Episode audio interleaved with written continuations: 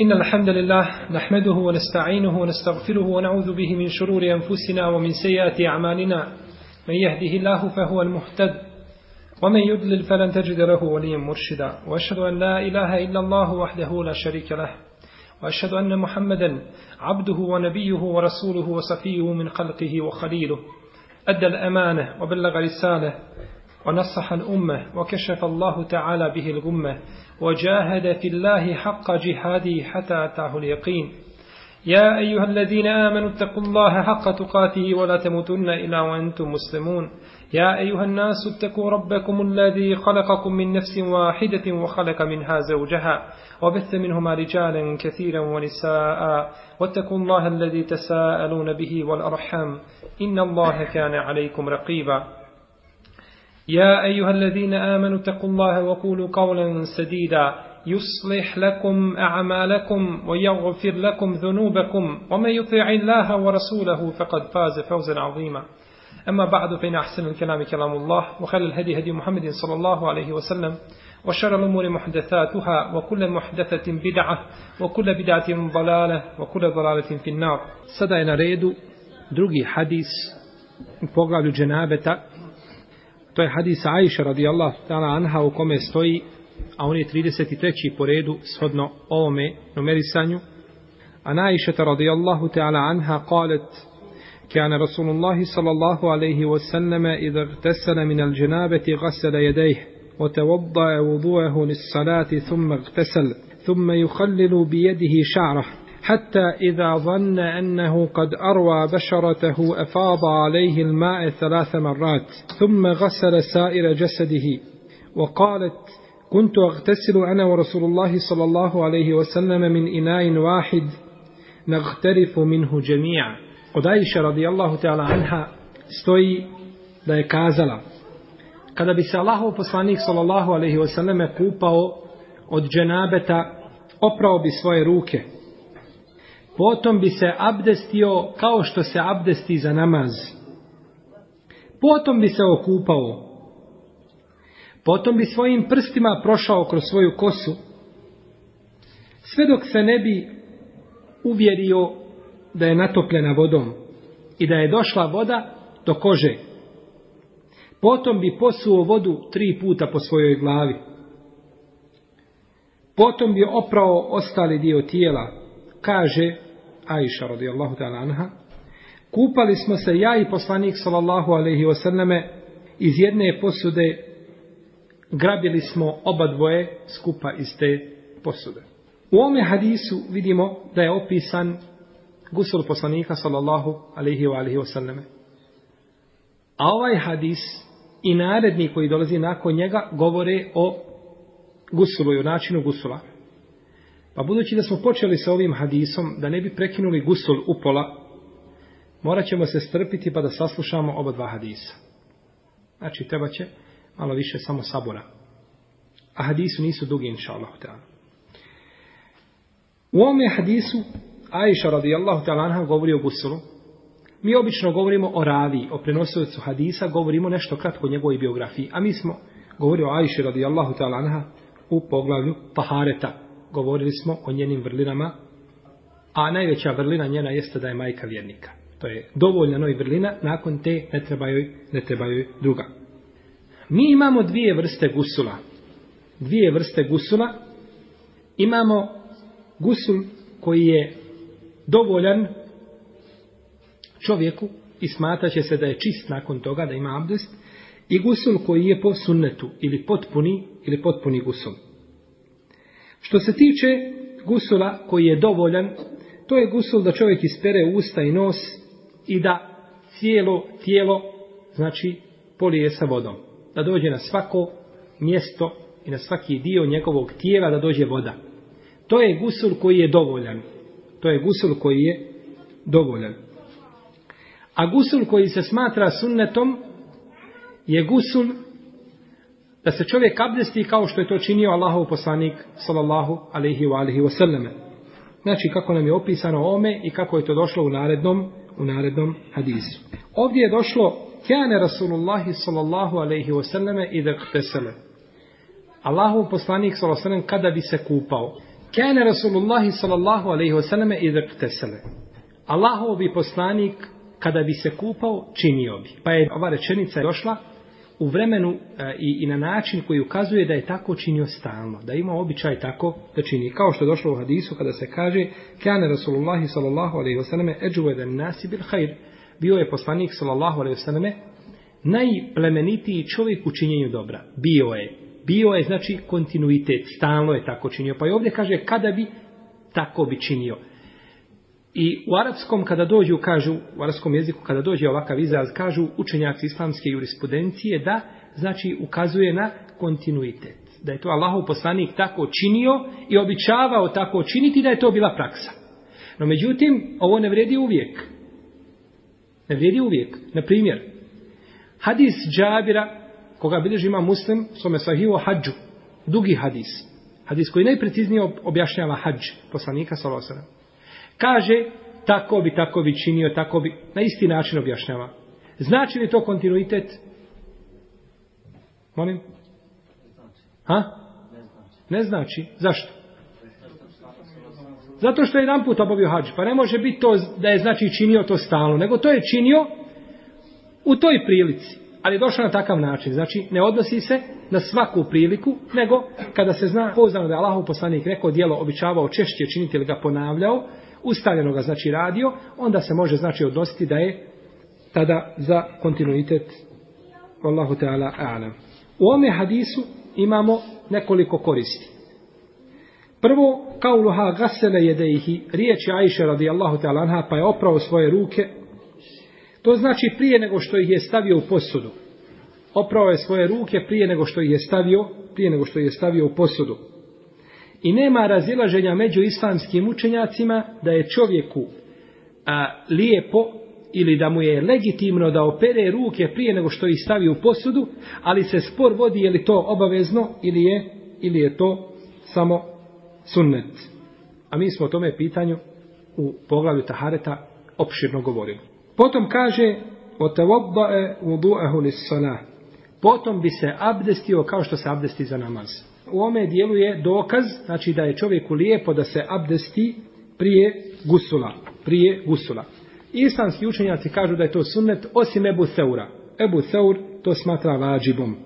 No međutim, to je mišljenje slabo, nema ništa što ukazuje da je uzimanje abdesta prije, prije gusula vađib. Jer je to došlo kao postupak poslanika, a postupak ne može ukazati na vudžubu. U svakom slučaju o ovome pitanju ćemo možda malo opširnije govoriti u tamo onome trećem hadisu. Ako budemo imali vremena da znači još jedno predavanje održimo, onda ćemo govoriti o ovome pitanju kada nešto biva vađib, naredba ili, ili postupak. Potom je prošao svojim prstima kroz kosu. To je znači da čovjek prođe prstima i da natopi korijen kose, tako da voda da omogući dolazak vode na svaki dio tijela.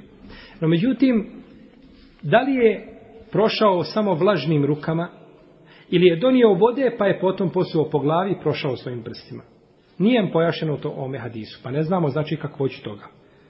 Šta ćemo onda raditi? Ko će nam kazati? Znači vlažim, to je jedno mišljenje. Ako ne možemo iz ovoga hadisa zaključiti šta je, kako je Allah u poslaniku radio, šta ćemo raditi mi?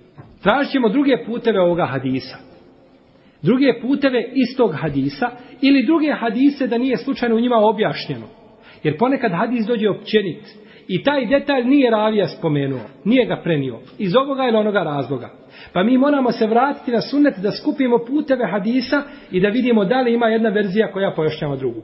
To je tako u slučaju sa Kur'anom. Uzvišen je Allah te barak u na jednom mjestu spomene neku priču ukratko. I onda nakon toga na drugom mjestu o njoj priča dugo i dugo. Pa na znači pojasni nekad općenito, nekad opširno, skraćeno i tako da je sve po, shodno, sve shodno potrebi. Imamo predaju kod imama muslima u njegovom sahihu da se kaže thumme jehudhul ma'e fe yudhilu asabijahu fi usul šar. Potom bi uzeo vode u svoju ruku i onda sa svojim rukama prošao kroz kosu da bi natopio korijen kose vodom. Znači, donio je vode u ruci. Znači, druga predaja nam je pojasna značenje prve prošao bi. Kako bi prošao prstima kroz kosu? Tako što bi donio, znači, vode i onda je, jeli, posuje po glavi i tako onda, znači, prošao kroz svoju kosu. Prolaženje prstima kroz kosu vuče za sobom nekoliko koristi. Prva je korist da se natopi korijen kose. To je prva korist. Druga je korist da dođe voda na svaki dio tijela što je teško doći samo posipanjem vode. Koliko bi vode trebalo da čovjek na takav način da dođe do svakog znači dijela tijela. I treća korist je, kažu islamski učenjaci, privikavanje čovjeka na promjenu temperature. Jer kada bi čovjek od jedan put posuo vruću ili hladnu vodu po glavi, ali zna što se može desiti. Svega i svačega se dešava. Jeste li čuli kada da čovjek iziđe iz auta gdje radi klima uređa jako i vani velike temperature i odma dok iziđe odma padne i na licu mjesta bude gotovo. Znači to je, eto, znači to je promjena nagle temperature. Kažu ovo prolaženje vode rukama, prstima kroz kosu je zbog iz tog razloga da čovjek natopi kosu i privikne glavu na tu temperaturu i onda nakon toga Allahov poslanik sa je tri puta posipao vodu po svojoj, po svojoj glavi. Sve dok ne bi se znači ubijedio da je natopio kosu vodom. U ovome hadisu je isto tako dokaz da je lijepo čovjeku da kada se kupa da to čini tri puta. Vidimo kako je to poslanik sallallahu alaihi wasallam činio. Isto tako u ovome hadisu je dokaz da je dozvoljeno mužu i ženi da se kupaju iz jedne posude. Znači da ima jedna posuda iz koje grabe jedno i drugo i tako se kupaju. I kaže imam Neuj i El Qadi i ja da je to dozvoljeno po konsensusu islamskih učenjaka, znači da se supružnici skupa kupaju. Isto tako dozvoljeno je ženi da se kupa sa vodom koja ostane iza muškarca bez razilaženja među islamskim učenjacima. Znači muškarac se okupa, pa nakon toga što ostane da se žena okupa, nema smetnje. A Džumhur Leme smatra Šafije i Malikije i ima Mahmed da je dozvoljeno isto tako čovjeku da se kupa od onoga što ostane od žene. Navodi se od Saida, Ibn Musejiba i Hasana da su to prezirali i imama Ahmeda, a međutim ispravno je da je to dozvoljeno. Kaže Aisha, kupali smo se ja i poslanik sallallahu alaihi wa alihi wa sallame. Kažu neki učenjaci, u ome hadisu je dokaz da je dozvoljeno čovjeku da gleda u stidno mjesto svoje žene. Kaže, dok je, dok je Aisha rekla, kupali smo se ja i poslanik sallallahu alaihi wa sallame, znači, kaže, kupali su se, ovaj nagi bez odjeće, pa je dozvoljeno čovjeku da znači, gleda u stidno mjesto svoje žene. I svi hadisi koji ukazuju da je zabranjeno čovjeku da gleda u stidno mjesto svoje žene, da to izaziva slepilo i slične stvari, sve sto hadisi lažni, baif, maudu' hadisi koji nemaju nikakve vrijednosti kod hadiskih kod hadijskih stručnjaka. Znači, to su hadisi koji su slabi i na te hadise se ne treba znači nikako vraćati. A, osnova je znači da između muškaraca i žena nema avreta, jel tako? I najzad na kraju hadis poslanika sa vasarmu kome kaže čuvaj svoj avret osim od svoje žene i osim od koga? Od robinja. Yes. Od robinja. Ako ih ima. To je hadis, znači Ajše radijallahu te alanha u kome se govori o gusulu.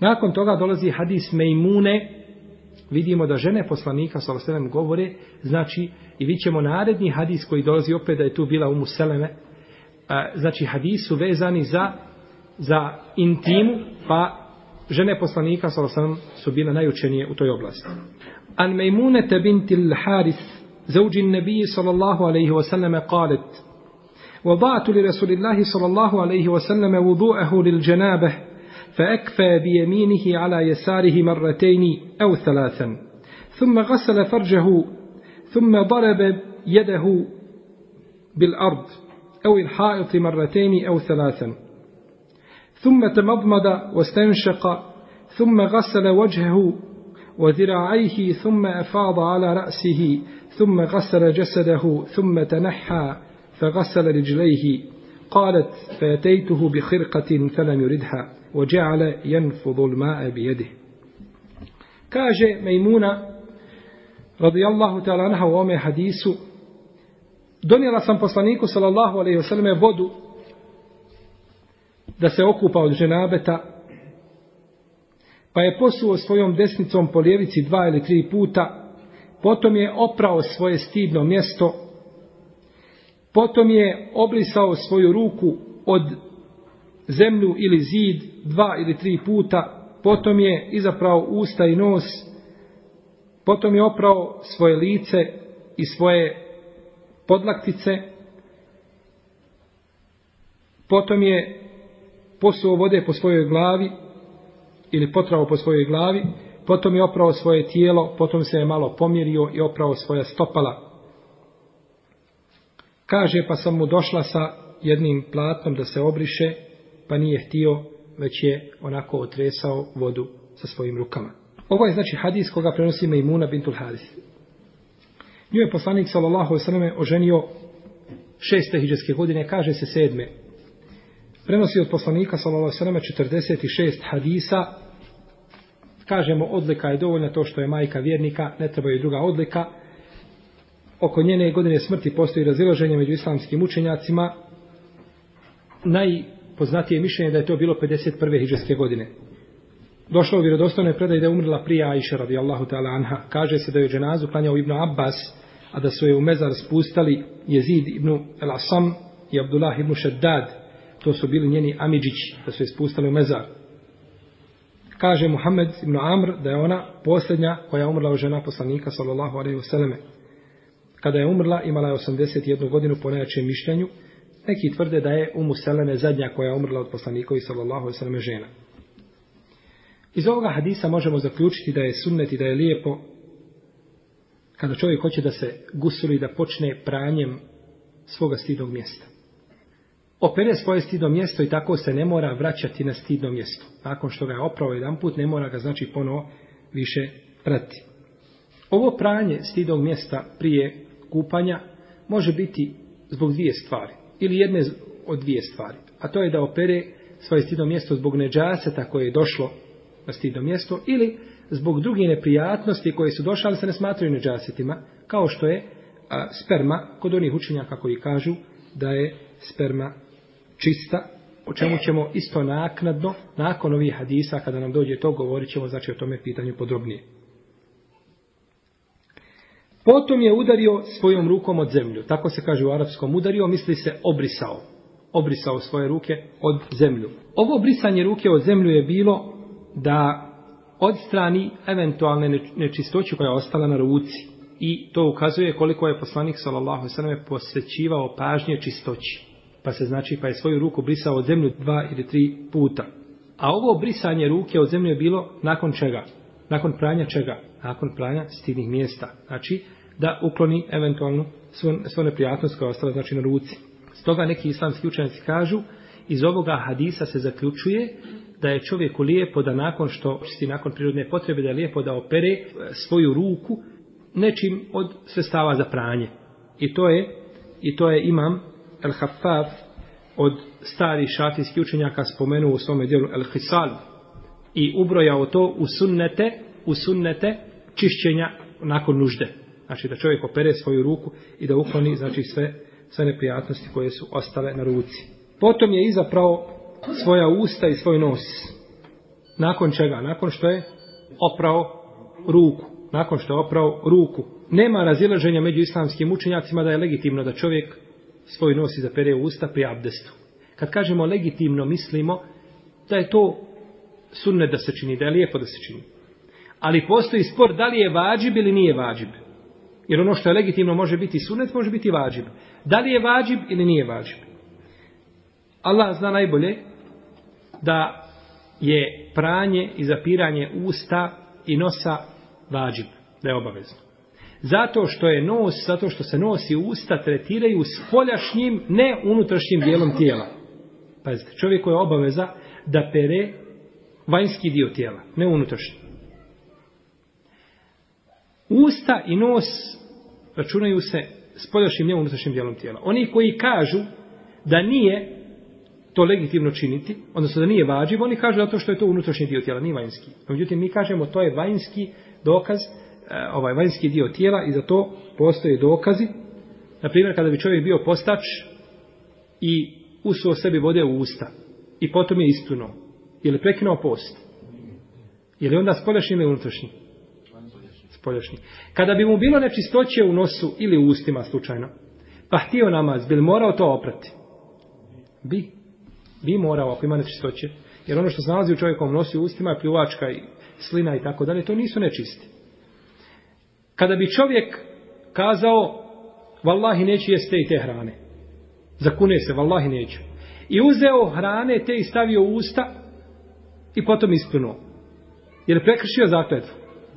Nije. Znači, to nam sve ukazuje da je da se usta i nos šta?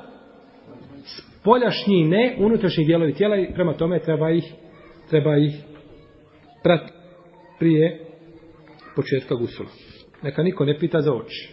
A što oči nisu isto tako spoljašnji? Što su unutrašnji? Kažemo zato što oko toga se ne vodi spor Ibnu Kudame, kako pa kaže Ibnu Kudame, i brojni drugi navode da je jedino Ibnu Omar pravo oči pri abdestu.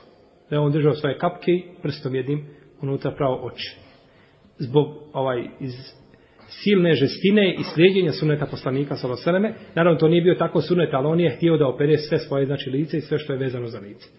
Tako da, većina uleme, znači izrazita većina nakon toga, to smatra nelegitimnim i smatraju čak neki navode konsensus uleme, da to ne treba činiti, osim znači, što spomenuli postupak Ibn Omara, koga bilježi ima malik u svojoj u svojem uveti. I druga stvar, to je za čovjeka šteta. Šteti, jer kad bi tako radio, sigurno bi brzo oslijepio i navodi se, znači, od Ibn Omara se navodi da je zbog toga oslijepio.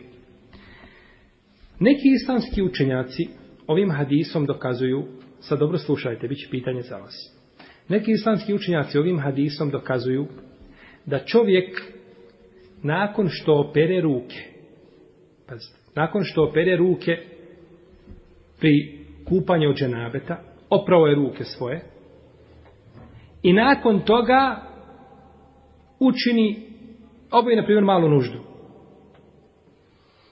I hoće ponovo da krene dalje, znači da pere stidno mjesto, da abdesti se i tako dalje, da ne mora više prati ruke ponovo iz početka. Ponovit ću.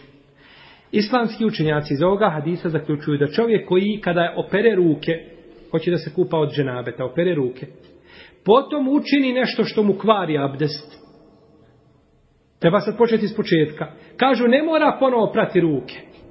Zašto? To je stvar koja kvari, kvari abdest. A Allahov poslanik je znači oprao ruke, pa je oprao šta stidno mjesto. Znači, kod uleme, a to je ovaj stav velikog dijela uleme, koja kaže da kvari abdest, to je kod te uleme koja kaže da kvari, ima drugo mišljenje da, da ne kvari to abdest, oni kažu, on je nakon pranja, salalala sveme, nakon pranja ruku oprao stidno mjesto. A doti taj stidno mjesta, šta? Kvari abdest. Ali nije se ponovo vratio da pere ruke. Nego je otišao šta? Na, na abdest. Je tako? Prvo znači upere ruke, pa si do mjesta, pa abdesti, pa nakon toga ide dalje sa gusulom. Znači, ovaj istimbat ili ovaj zaključak su izveli iz postupka poslanika, salallahu alaihi wasallam. Potom se je malo pomjerio i opravo svoje noge. To je na kraju kupanja. Kod gusula, vi ste vidjeli ovdje da Allahov poslanik nije oprao šta? Stopala. Tako, nego se kaže, potrao po glavi, potom je polio vodu po svome tijelu, zatim bi se pomjerio i oprao svoja stopala. Ovo je mišljenje dijela učenjaka u dijel, dijelu El Mebsud, i to je jedno od najvećih dijela han, e, hanefijskog fika, stoji, kaže se, ako je mjesto gdje čovjek klanje, ako je mjesto gdje čovjek se kupa čisto, nema nečistoće, kao što danas ljudi kupaju banjama i tako dalje, kažu tu će oprati, prije toga će oprati stopala a ako je mjesto gdje se kupa nečisto, tada će ostaviti pranje stopala na kraju, znači kupanja. Kako to zaključuje iz hadisa? Pomjerio se. Jako bitna stvar. Thumbeta neha. Potom se pomjerio. Zašto se Allahov poslanik sa osvijem pomjerio s tog mjesta na kome se kupao? Pa oprao stopala. Znači da je tome mjestu bilo šta? Znači što će bilo? Ili da kažemo, bilo blata zemlje pa se pomiješalo, pa se napravilo blato, pa čovjek kada u blatu da opere jedan put noge, pa ponovo stane u to blato, pa drugi put pere, to je i prosipanje vode i znači dupli poslovi, dupli troškovi. Pa je poslanik sa osrem pomjerio se da opere svoje stopala. Pa znači to zaključuju iz pomjeranja poslanika sa osrem sa toga mjesta. Potom sam mu, kaže, donijela jedno platno ili peškir da se obriše, pa nije htio, pa nije htio poslanik sa osrem da se obriše. Što se tiče brisanja nakon gusula i abdesta, o tome ima nekoliko mišljenja među islamskim učenjacima. Prvo je da je mekruh da se to čini pri abdestu i pri gusulu. I to je mišljenje Ibnu Omara, Ibnu Ebilejle. Drugo je mišljenje da nema smetnje da se to čini i pri gusulu i pri abdestu. I to je mišljenje Enesa Ibnu Malika i Eseurija imama Malika. I treće je mišljenje da je mekruh pri abdestu, a da nije mekruh pri gusulu. I to je mišljenje Ibn Abbasa, imama Kurtubija i nekih šafijskih pravnika. U predajama se navodi od Ebu Bekra i Muaza ibn Džebela i Ajše i Enesa i Salman al-Farisije i drugi da je poslanik sa osanem posušivao neke dijelove tijela nakon abdesta. Da je posušivao neke dijelove tijela nakon abdesta. No međutim, hadijski učenjaci se spore oko vjerodostojnosti ovih, ovih predaja. Pa kaže, kaže imam Tirmizi i Neo Ibnul Kajim da nisu ove predaje vjerodostojne. A u jednoj predaji koja je ništavna stoji, da je poslanik Salosaleme rekao ko abdesti potom se presuši, lijepo je postupio, ali je bolje ne presušivati tijelo. Ali je predaja slaba, nije vjerodostojna. Pazite, kad kažemo ništavna, znači predaja je slaba i ne vrijedi. Neki islamski učenjaci su ili prezirali posušivanje tijela ili smatrali da je preče to ostaviti. Između njih, ovo mišljenje zastupaju, Džabir, Ibn Abbas, Ata, Sa'id, Ibn Džubeir, Ibn Abi Leila, Ibrahim, Mujahid, Ibn Musejib, Ebu Alije, Zuhri i drugi. I ovo je stav učenjaka šafijske pravne škole. Imamo drugu skupinu koji kažu da to može se činiti da ne smeta i to je većina pravnika njega zastupaju Enes ibn Malik, Bešir ibn, ibn Mesaud, Osman ibn Affan, Hasan al-Basri ibn Sirin, Alkame, Dahak, Al-Eswad, Mejmun ibn Mehran, Mesruq, Sufjan al-Thawri, Ishaq ibn al-Munzir i ovo je stav učenjaka Hanefijske, Malikijske i Hanbelijske pravne škole. Znači većina učenjaka smatra da je legitimno čovjeku da posluši dijelove tijela nakon, nakon abdesta, a nema razlike između abdesta i, i ovoga uh, i gusula, jeste Allahov poslanik sa osvijem odbio, no međutim to odbijanje ne znači da je mekru i da je pokuđeno, možda je Allahov poslanik to odbio iz određenog razloga, između ostalog razlog koga navode ovi učenjaci koji kažu da je pokuđeno ili da nije legitimno, kažu, došlo je u hadisu da čovjek kada se abdesti, da svaka kap koja pade, da sa njom kap, padaju grijesi. A čovjek kada posuši, jel kapa? Ne kapa. Pa onda nema, znači ne odlaze, kažu grijesi tako. No, međutim, ne mora znaš tako samo kapa da odlaze grijesi, jer, jer uzimanjem samog abdesta, znači, cilj je znači to uzimanje abdesta i time se je htjelo znači ukazati na uzimanje, na uzimanje abdesta.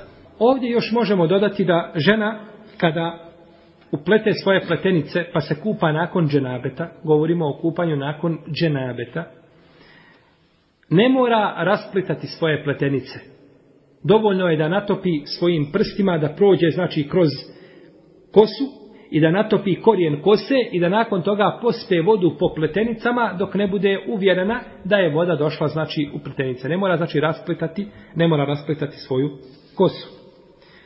Isto tako u ome hadisu nije spomenuto tahlilu lihije. Prolaženje prstima kroz bradu.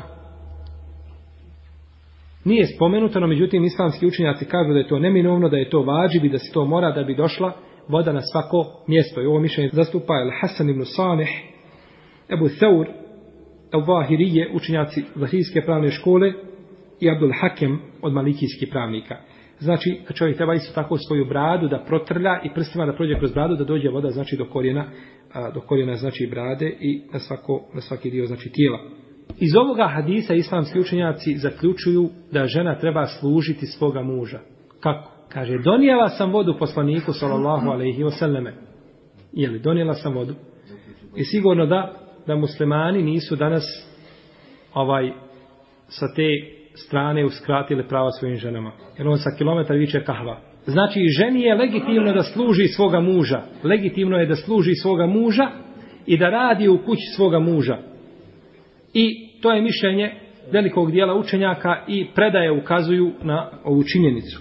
Potom će čovjek posuti vodu po svome desnom e, dijelu tijela, prvo desnom stranu pere, potom lijevu i nakon toga smo kazali stopala sa perja koji nije prethodno oprao i nakon toga je gusul završen. Nakon toga je gusul završen i stvari znači koje su vezane općenito za gusul time bile završene. Allahu Teala alam, wa sallallahu ala nebina Muhammed, وعلى آله وصحبه أجمعين جزاكم الله خير Ovo su bila dva hadisa, znači hadis Ajše i hadis Mejmune. Sa nama je nakon toga hadis Abdullaha ibn Omara, kome ćemo inša Allah govoriti drugom prilikom. Kada vidjet ćemo, obavijestit ćemo se inša Allah postoji mogućnost sutra na večer ako budemo imali dovoljno vremena. ko ima neko pitanja vezani za hadis koji وختام عند الديان مجد في دار الرضوان هو الإسلام هو الإسلام توحيد للرحمن بالبرهان للشيطان بالبرهان للرحمن بالبرهان للشيطان بالبرهان وتحرير للإنسان وتحرير للإنسان بالبرهان بالبرهان مرفوع في الإيمان مقهور فيه العدوان مرفوع فيه الإحسان مقهور فيه العدوان فيه العدل والميزان فيه الرحمة والغفران هو الإسلام والإسلام Misliš, kojom rukom kada čovjek dodirne da na bilo koju ruku? Kod učenjaka koji kažu da se kvari. Znači, kod učenjaka koji kažu da to kvari, oni, znači, hanefijski pravnici to ne vide da to kvari abdest, jer imaju hadisi koji su kontradiktorni po, a, e, prividno, pa se u jednom kaže to je samo dio od tebe, u drugom se kaže promijeni abdest, ali hadijski slušajci kad su govorili o ovom drugom hadisu, to je dio od tebe, mnogi su mu prigovorili. Pa stoga je preče čovjeku, preče čovjeku da ipak promijeni abdest ako dotakne stidno mjesto, jer a, postoji znači mogućnost, a ovo je stvar koja je jako bitna, od vitalne važnosti, tako da je čovjek preče da promijeni abdest, ako ne promijeni nećemo kazati šalotala da je da je njegov abdest pokvaren, možda dok se ne ispostavi zaista snaga argumenta jedne i druge strane. Je Čak i nenamjerno kad bi dotakao bilo kako znači po tome mišljenju to kvari abdest. Da on se da to golom rukom na, na goli... Na Jeste, gola ruka, kada, znači kada čovjek preko, znači onda čovjek preko pantalona, preko nečega, preko veša, kada bi dotakao, moram, ne, ne, nije tako. Znači, kada dođe, koža na kožu. Reci, a sve. Ovaj, čovjek uzme abdest. Primusu hoće uh, e, prolaziti ponovno po tim ono, dijelom tijela koje, koje je već udmao? On svakako prolazi. Znači, on svakako upa. Znači, svaki dio tijela nakon toga opere. Cijeli dijelove tijela. Opere. Tako da svakako... Znači, samo gledanje Samo gledanje u spolni organ svoj ili or, žene i slično ne kvari abdest.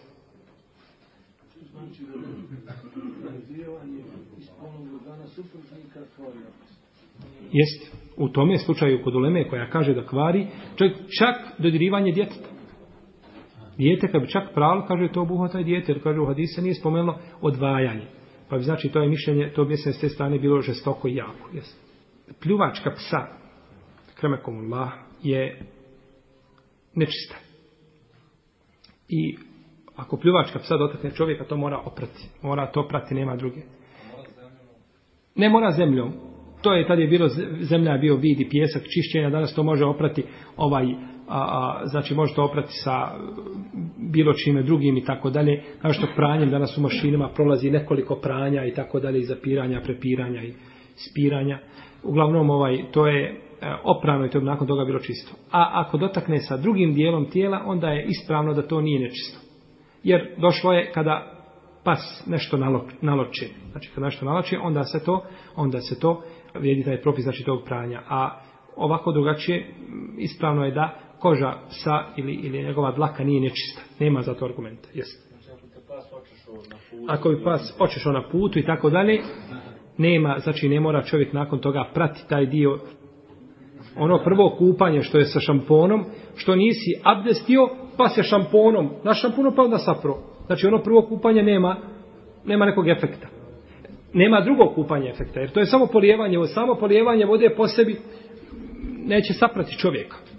Sada, znači, na to je sunnet čovjeku da uzme, znači, opere ruke, opere stidno mjesto, uzme abdest i nakon toga operi se šamponom dva, tri puta ako imaš potrebe, ako ima čovjek nakon napornog rada i tako dalje, opere se više puta, ne smeta, sa periješ se i završeno. Ne moraš ti znači ograničiti, jer kaže se Allah poslani, nakon toga bi tri puta sapro znači svoje tijelo. Šta mi je dokaz što kažu da alkohol... Kaže da alkohol pa znaš kako? Oni kažu alkohol nije nečist zato što nema jasnog argumenta. Kažu nema jasnog argumenta. Ovi kažu, Allah Đelšanu kaže Ja, ejuhel ladine amenu, innama l'hamru wal mejsiru wal ansabu wal ezlamu ribsum min ameli šeitani fečteni buhu la'allakum tuflehun. O vjernici, u istinu je vino i kocka i strelice za gatanje i kumiri. To je nečist. Ridžis, to je nečist. Šeitanska rabota, klonite se toga. Kažu, vidite da je nečist. Allah neće nazvat nečisti od nešto što je nečist. Ovi drugi im odgovaraju, ovi drugi im odgovaraju, kažu, jeste, ali Allah što ono kaže ovdje da su kumiri nečisti. Znači, ako kipa dotakneš ruku, moraš ruku prati, jel? Pa im odgovaraju. U svakom slučaju, ovaj, uh, da li je, znači, Ibn Semin je napravio jedan, jednu, jednu družu analizu tog pitanja i odabro mišljenje da alkohol nije nečist. Ali kažemo čovjek, budući da su imami četiri pravne škole uzeli nešto za argument ili, ili drže se nečega, onda možda je čovjeku preče da se drži toga. Dobro, je. Ja kad sam jučer pričao o tome, ja sam sjetio toga. Sjetio sam, proletlo mi je onako čovjek koji radi, znači, u, u mesnici kao mesar, ono našto koji radi na klanju. Znači čisto na klanje. Koji već tamo radi frižideri, nešto već možda sigurno manje toga dolazi do njega. A čovjek koji radi na, na klanju, on je zaista ovaj u musivetu teško. I jako teško znači može. Ja ne znam kako će klanjati, ali znamo da mora klanjati. Ako nije imao druge odjeće, bio je dužan da učini šta može, da sapere koliko može, da ostane ono šta može, a mimo toga ga Allah ne duži izmet od tih životinja koje se jede mjeso, izmet njevo nije nečist. To je... Ha? Nije, nije. To, nije. to nije nečisto. To su stvari koje su od, od mjesa, znači od koje se jedu, od e, životinja koje se jedu. Kulu lahm i to je taj izmet, to je Allahova milost da, da taj izmet nije nečist. U hadisu koga bideži ima muslim u svome sahihu, pitan je poslanik s.a.v. o alkoholu kao lijek Umu Seleme ga je pitalo alkohol kao lijek, pa kaže innehu da olejse bideva. Kaže, alkohol je bolestan i lijek.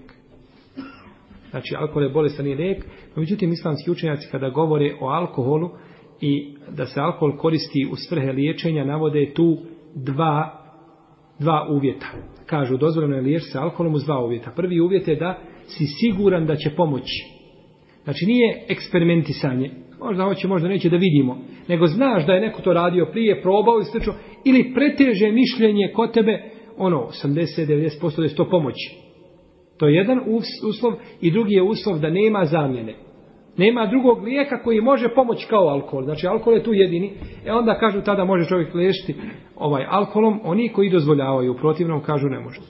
Bismillah, alhamdulillah. Što se tiče, znači, ovaj, u principu između ova dva pitanja nema nikakve nema nikakvog razila nema nikakve razlike. Jer kako god čovjek zbog čega je zabranjena da voziš alkohol zato što ti nekome dostavljaš alkohol i zato što će taj neko alkohol piti i konzumirati ga, a to je haram. I ti si surađivao sa njim na čemu? Na haramu, na nepokornosti i griješenju. Allah što mu kaže وَتَعَوَنُوا عَلَى الْبِرِّ وَتَقْوَ وَلَا تَعَوَنُوا عَلَى الْإِسْمُ وَلُدْوَانُ I vi surađivajte na dobročinstvu i bogobojaznosti, a nemojte na griješenju i na prijateljstvu. Čovjek koji vozi alkohol, na čemu je surađivo? Na dobročinstvu i bogobojaznosti ili na griješenju i na prijateljstvu? Halal. Znači, surađivo je na griješenju i na prijateljstvu.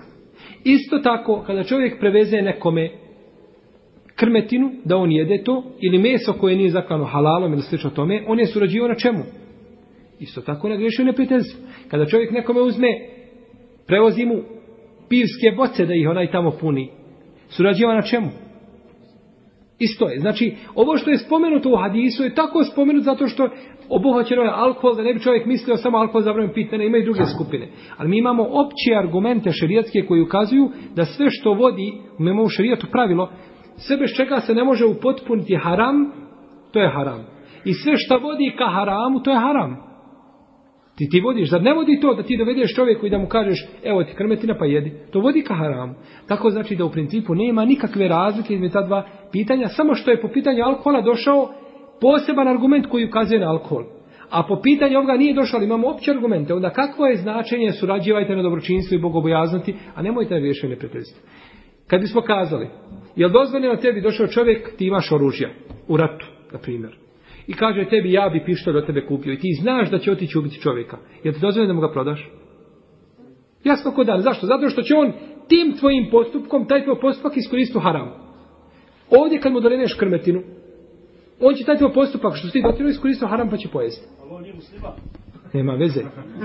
To nema veze. Tebi je, njemu je, on bi trebao biti musliman i on bi trebao slediti Kur'an i sunnet, jer nakon poslanika sa osaname, kako došlo u Adisu Ebu Hureyre, koga bilježima muslimu svome sahihu, kaže Allaho poslanik, neće za mene čuti nijedan židov, nijedan kršćan, a da ne povjeri u mene, a da neće ući u vatru džahenevsku. Pa znači on je zadužen s tim, čim je zadužen i ti i ja. To što on neće da vjeruje, to je druga stvar, ali ja neću, znači pomoći ga u griješenju neprijateljstva. Yes.